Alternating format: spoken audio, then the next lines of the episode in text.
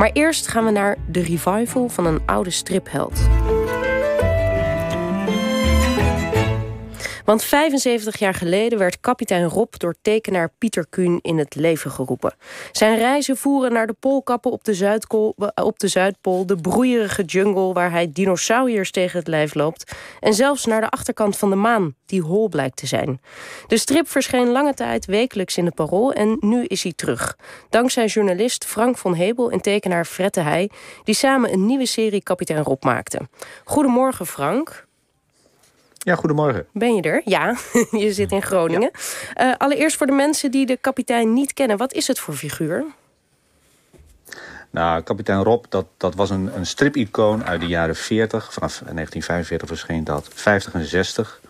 En hij was bedacht en getekend door uh, Pieter Kuhn. En de eerste aflevering die verscheen op 11 december 1945. Dus, dus enkele maanden na de bevrijding. Uh, in de verzetskrant Het Parool. En daarom vind ik het ook echt geweldig dat, dat uh, naast de krant als Dagblad van het Noorden, uh, Leeuwen Courant en Noord-Hollands Dagblad, dat het dus nu ook weer als dagstrip terugkeert uh, in het Parool. En, en, en ja, sorry? Ja, nee, ik was benieuwd waar jouw liefde voor de strip vandaan komt. Oh, nou, ehm, dat begon, dat begon eigenlijk heel lang geleden. Ik, ik, nou, ik zal een jaar of acht zijn geweest, geloof ik, of tien. En mijn moeder die nam, een, uh, die nam een afgeschreven boekje mee uit de bibliotheek van Norg, een, eh, een dorpje in Drenthe, van kapitein Rob. En dat bevatte drie verhalen. De, de schat van opa Larsen, het geheim van de vliegende Hollander... De onderwereld van professor Lupardi. En Cuny maakte 73 verhalen, maar deze drie... die staan voor mij althans wel symbool voor het, voor het beste uit het genre van kapitein Rob. in het eerste verhaal, de schat van opa Larsen... er wordt tijdreizen geïntroduceerd. Dat was voor mij echt een openbaring. het geheim van de vliegende Hollander... dat is gewoon een voorloper eigenlijk van Jack Sparrow... en The Pirates of the Caribbean... En helemaal geweldig vind ik eh, de onderwereld van eh, professor Lupardi. Uh, iedere held heeft een, een superschurk uh, nodig. Uh, Batman heeft de Joker. Superman die heeft de Lex Luthor. En in het geval van kapitein Rob is dat professor Lupardi en zijn trouwe assistent Joto. Een kwaadaardige Japanner. En ja, in dat verhaal is, ja, dat vind ik er zo geweldig aan.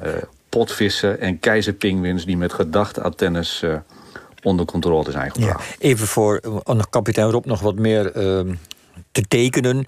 Dat, was een man uit een held uit één stuk zoals ze eigenlijk niet meer bestaan. Een pet op zijn hoofd altijd. En als hij niet in actie was, rookte die pijp. Uh, zulke mannen bestaan niet meer. Onverslaanbaar. Uh, als je, als je uh, die weer in, in, in de huidige tijd neemt, hè, wat, wat was dan de reden om dat op te pakken? Nou, dat is eigenlijk wel een hele goede... Uh, dat heb je eigenlijk wel heel goed gezegd. Kapitein Rob is geen Spider-Man of Batman of Iron Man... die met allerlei uh, gadgets en supergaaf het onrecht bestrijdt. Hij droeg ook geen masker, hij kon ook niet vliegen. Uh, hij heeft eigenlijk drie grote wapens. En dat waren Skip, de vrijheid, zijn schip... die bovendien nogal eens vergaat, en zijn blote vuisten. En, um, maar er, er zijn een hij heeft bezit enkele eigenschappen die gewoon, ja, die, die, die, al, die, die, die voor eeuwig zijn. Die mensen voor altijd blijven aanspreken. Hij is een, hij is een uh, je, zei het al, met zijn schip, de vrijheid en zijn hond Skip vaart hij de wereld rond. Uh, hij beleeft allerlei avonturen. Hij is een vriendelijke man, door en door betrouwbaar. Hij is rustig en hij, hij zoekt de problemen niet op. En die mannen bestaan dan misschien wel niet meer. Misschien hebben ze ook wel nooit bestaan. Maar uh, ik denk dat het verlangen naar dit soort mannen, naar, naar dit soort mensen eigenlijk, dus ook vrouwen, altijd, altijd blijft bestaan. Ja, en de, de, de, de schrijver, de bedenker van, van kapitein Rob, Peter Kuhn. Ja. Is, is, kun je iets over hem vertellen waardoor wij begrijpen dat juist hij deze Rob tekende? Nou, daar ben, ik, daar ben ik zelf eigenlijk ook niet achter. Het was natuurlijk een, een fascinerende man. Hij, hij groeide op in, in Amsterdam in een eenvoudig gezin. Zijn vader die werkte in een tabaksfabriek. Hij rolde daar tabaksbladeren. En uh, wat, er, wat, wat ik van zijn dochters begreep, want daar heb ik een goed contact mee...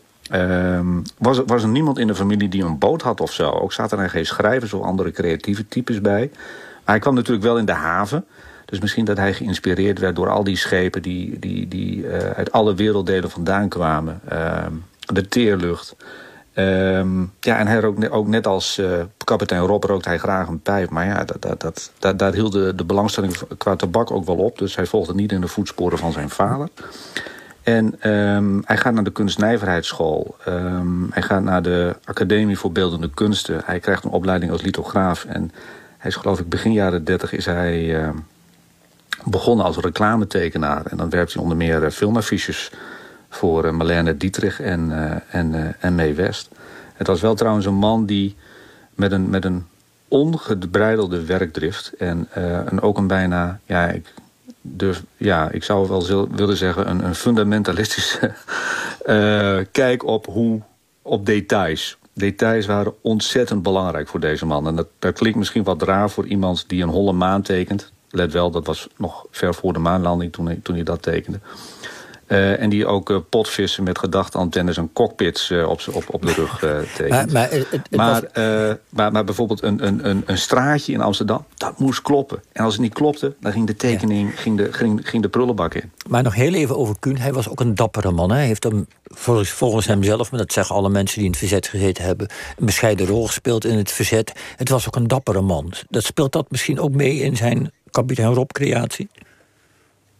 Nou, in de beginjaren Natuurlijk zeker. En als je alleen al kijkt naar uh, de, de naam die, zijn, uh, die, die, die, hij zijn schip gaf, hè, dus de vrijheid. Dat kwam natuurlijk na, na vijf jaar van, van bezetting. En alles lag nog in, in, in die periode, alles lag nog in puin. Nederland lag nog op apengapen. de, de dwangarbeiders en de gevangenen uit de, uit de kampen, die waren nog aan het terugkeren. Alles was nog op de bon, bleef ook nog jaren op de bon. En dan is daar opeens zo'n kapitein Rob... die uh, met, zijn, uh, met zijn schip, uh, het, net als Lucky Luke, het, het, het avontuur tegemoet vaart... en, en van, alles, van alles meemaakt.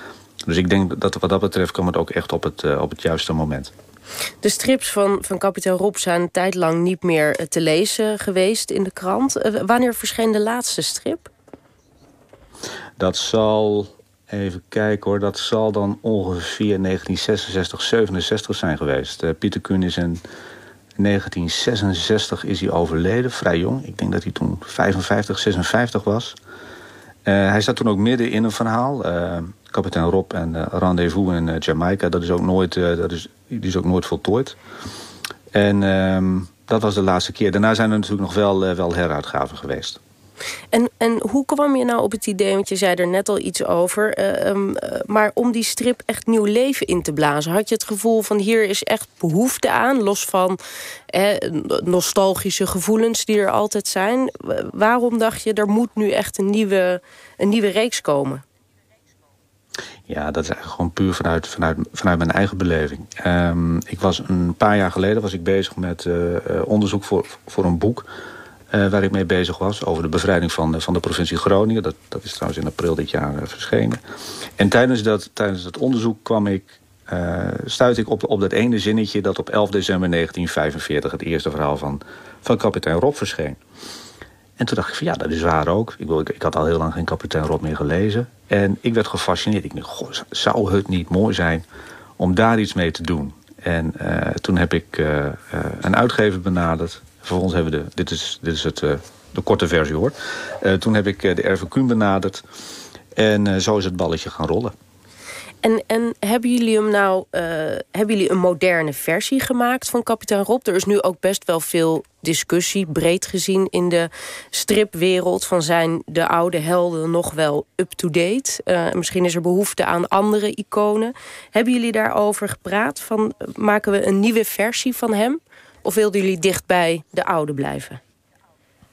Nou, we zijn heel dichtbij, tenminste dat hoop ik althans... dat, dat de lezers het zo ervaren, bij de oude gebleven. Uh, Fred de Heij, de striptekenaar, die heeft natuurlijk wel een... Uh, uh, die tekent hem anders. Maar hij, hij weet wel heel, heel mooi die sfeer te treffen. ik schrijf natuurlijk anders dan Evert Werkman. Dat was de parooljournalist die, die op aanwijzing van, van Kuhn... er een lopend verhaal van maakte. Uh, en, ik schrijf weer anders dan hem, maar toch uh, hopen wij dat we, dat, we, dat, dat we die sfeer hebben weten te treffen. Uh, in zoverre is het, is het wel modern dat, dat kapitein Rob, dat begint in het hier en nu. Dus we, hebben, we maken kapitein Rob mee als oude man. En naarmate het verhaal zich ontwikkelt, dan maken we ook kennis met een, met een jonge kapitein Rob. Nou, en als het dan gaat van, goh, moeten we oude striphelden weer nieuw leven inblazen? Ja, dat, dat gebeurt aan de lopende band. Kijk maar naar Blake en Mortimer, of Michel Vaillant, of Alex, Suske en Wiske, Jan Jans en de kinderen. Dat zijn allemaal succesvolle strips waarvan de geestelijke vader is overleden of ermee is opgehouden maar van wie het werk eh, wel is voortgezet. Nu is natuurlijk, eh, je noemt een paar namen die een aantal mensen zullen kennen. We gaan er even verder niet op in. Wat ik wel grappig vind, is die, die kapitein Rob. Hè, dat, dat is natuurlijk, als je die oude... Ik, ik, ik, ik neem er ook maar kennis van via via. Die oude kapitein Rob, hè, dus zeg maar de kapitein Rob van de jaren 50... dat is eigenlijk voor die tijd ook wel weer een best wel geëmancipeerde man. Want hij wordt vaak in sommige verhalen niet dat hij vrouwen redt... maar hij wordt gered door vrouwen. Ja, dat klopt, dat klopt. Kijk, over het algemeen was het natuurlijk Vertel zo... Eens, hoe zat uh, dat? In die Want avontuur... Dat, ja. Nou, in, in die avontuurromans van, van vroeger, of uh, destijds, was het, was het toch wel... Uh, ik, ik, ik wil er niet denigrerend over doen, helemaal niet, maar... Speel, ging het toch wel een beetje als volgt. Er waren, je, je had hele aantrekkelijke vrouwen.